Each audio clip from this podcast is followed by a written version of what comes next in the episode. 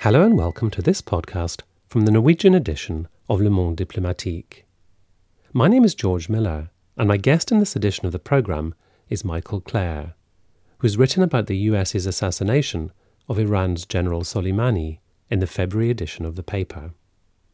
On the 3rd of January this year, a US drone strike on Baghdad International Airport targeted and killed this top ranking figure in the Iranian regime. The order came from President Trump. But who and what influenced his decision? And how does it fit within the US's broader geostrategic aims? What does it say about the Trump administration's priorities and their worldview?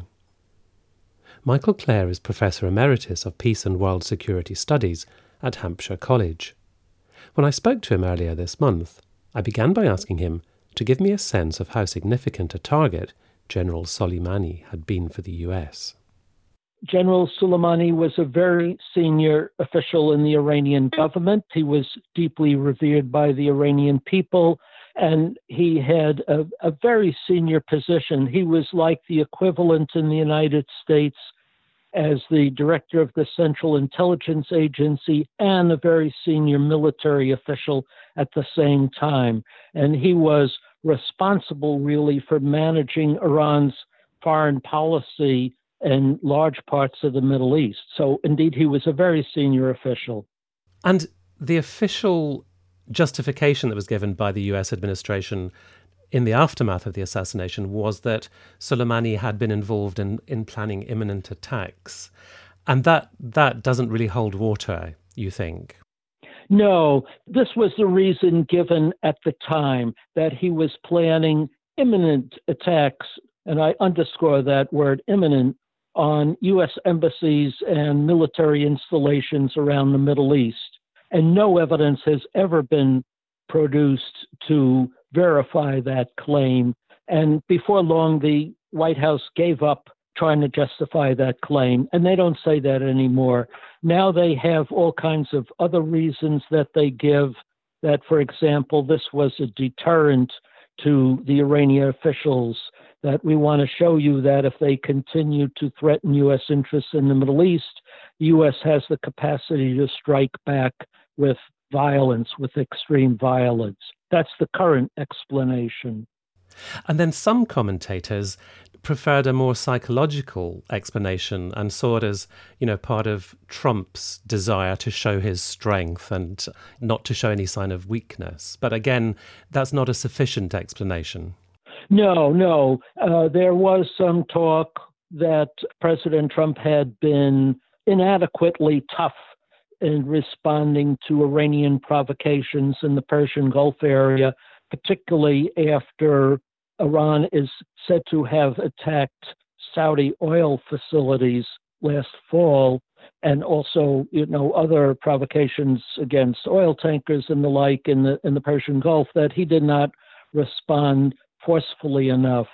So some argument being made that he felt he had to show that he could be a tough guy. I don't believe that either. Nobody is talking that way anymore anyway. So the, the ultimate decision would, of course, rest with the president. But the people who would be privy to that ultimate decision, would that be a very small coterie? Yes, indeed. Obviously, this is a decision made in the White House by the president himself and his close advisors. And it was a small group, including, most importantly, the Secretary of State, Mike Pompeo, and the Vice President, Mike Pence and a few other close advisors. Noticeably missing from this decision making process, I think, is Mark Esper, the Secretary of Defense. It seems like the Defense Department was sort of sidelined in this process.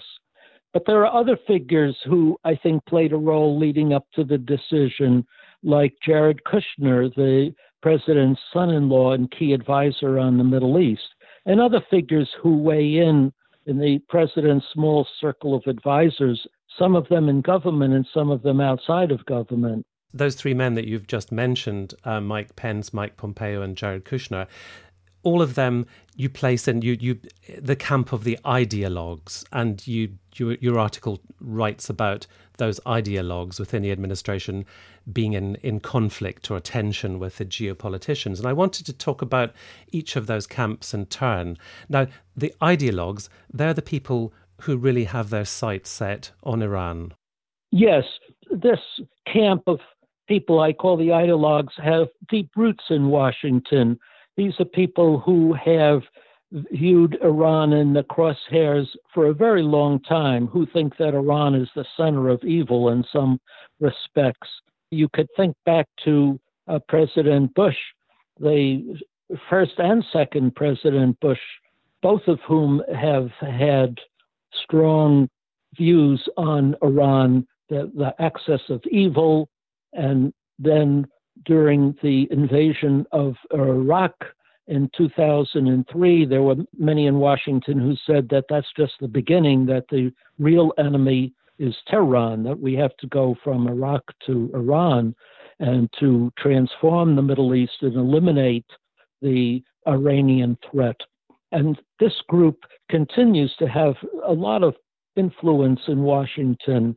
And as I argue, I call them ideologues because they're driven uh, by hatred of, of Iran and Islam more than any consideration of Iran's actual power in, in the world global geopolitical sweepstakes, as it were.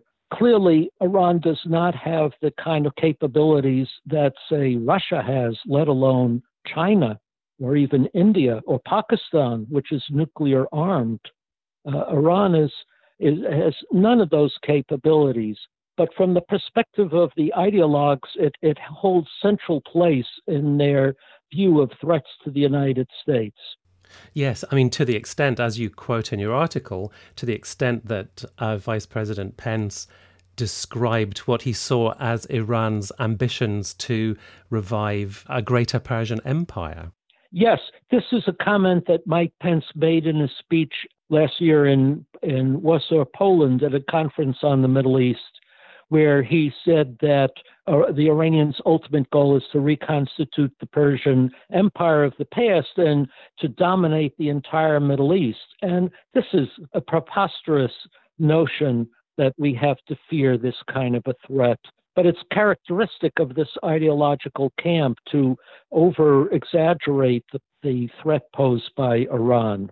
So, in the other camp, the camp which is in tension with these ideologues, is the group which you call the geopoliticians. And I guess I was thinking, well, would it be fair to, to, to think of another name for them as being the pragmatists?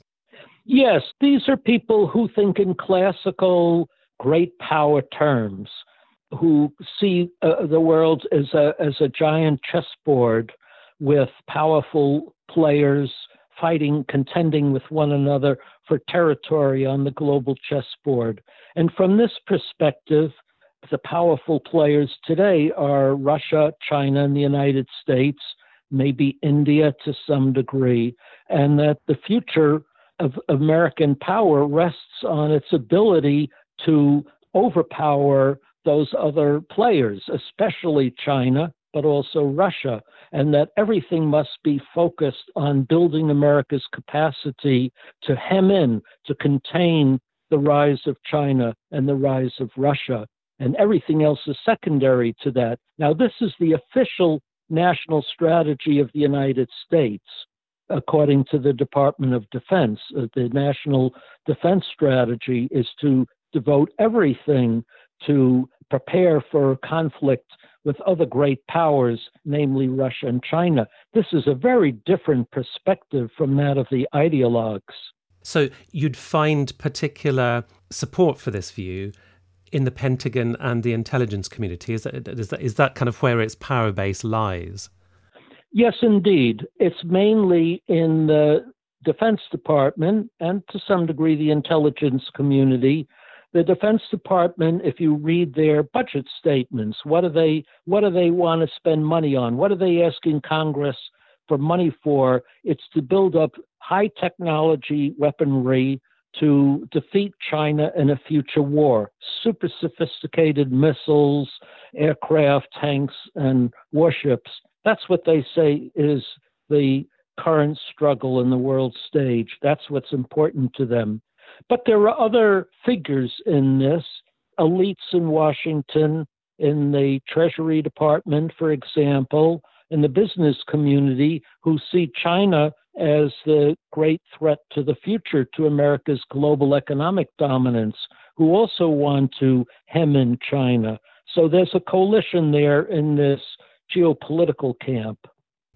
And as you say, the ideologues date back at least as far as um, the Bush administrations. Is there something different about the nature of the tension between the two camps under Trump, would you say? Well, Donald Trump has ties to both camps, obviously. Many of his economic advisors, uh, like Steve Mnuchin, the his lead economic advisor, is very strongly in the anti-China camp. He's doing everything he can to curtail China's growth. So there's he he has uh, that wing, but he's also strongly influenced, and I, I argue in my article that the attack on Soleimani reflects this. He's he's very powerfully influenced by the ideological camp, and this reflects the strong influence of Mike Pompeo and Mike Pence, the Secretary of State and the Vice President, but also Jared Kushner, his son in law, who plays a very outsized role in the White House, and Jared Kushner, we know, has very close ties to key figures in the Middle East, to Netanyahu, the prime minister of Israel, whose whole identity as leader of Israel, and he's now running again for reelection, rests on his ability to contest Iran, to fight Iran. That, that is Net, who Netanyahu is also the leader, the de facto ruler of Saudi Arabia, Crown Prince Mohammed bin Salman, another key influencer in Washington via Jared Kushner, who also seeks to block the Iranians. So you have these outside influences in the White House via Jared Kushner and others. So, should we see the assassination of Soleimani as a demonstration that the ideologues are in the ascendant, or is it, is that too is that too sweeping a judgment to make on the strength of this um, of the, of this one act? Uh, well, I would argue, and this is what I try to say in my article, that there's a pendulum, and these forces swing back and forth at any given time. One is going to have more influence. I argue, and I believe that uh, the assassination of Soleimani reflects the ascendancy at this moment of the ideological camp, but it could shift back at any time in the other direction. Right now, with China hobbled by the coronavirus disease, I think the imminence of the China threat might have receded, whereas the Iranian threat may appear to be more pronounced for the moment. But I think that will change. And for example, right now, the budget, this is the time of year when the Defense Department presents its budget request to Congress, and it's all China, China, China, China, and a little bit about Russia, Russia. There's no mention of Iran in there as a threat. So uh, you will hear a lot of language in the coming months about the China threat. But was the assassination of Soleimani intended in some way to redress that, to sort of shift the pendulum, if you like, by provoking a reaction from Iran, which would then warrant a, a counter reaction from the United States, part of which would be a greater deployment of resources and forces in order to counter Iran. This, I believe, is part of what went on. Yes. I think that by killing Soleimani and provoking a harsh Iranian reaction, which turned out to be less harsh, I think, than everybody assumed would be the case, that this would justify a further buildup of American forces and very possibly a war with Iran, or at least severe attacks on Iran. You'll recall that John Bolton, the former national security advisor, who's very much in the news today because of his comments about what uh, Trump said about the Ukraine military aid situation. But John Bolton tweeted when all this occurred, uh, let regime change begin. Those were his words. I, I think this was this was the hope of the ideological camp that there would be a spiral of violence leading to war with Iran. Now, let me say right now that that moment has not passed entirely. What's happening now is a major buildup of American military forces in the Middle East. It may be that we didn't go to war at that moment because the U.S. was not ready for war. It didn't have the capacities in place.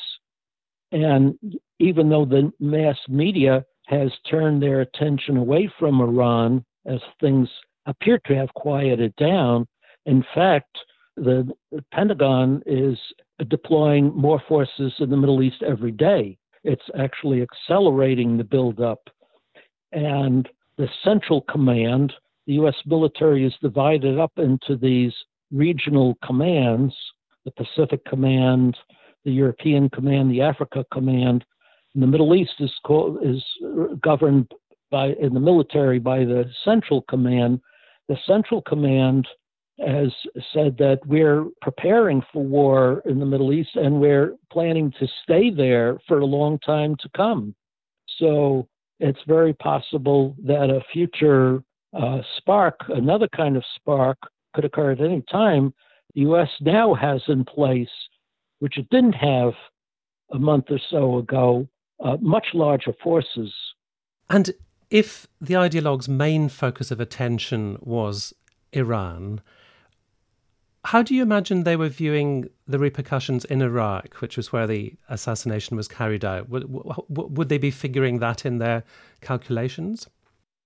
It's hard to see how they could have included that in their calculations because, as we know, it's produced a very sharp backlash in Iraq with the parliament calling uh, for the U.S. to to withdraw its forces entirely and a lot of the militias which, which have ties to Iran staging demonstrations and rallies calling for a U.S. withdrawal.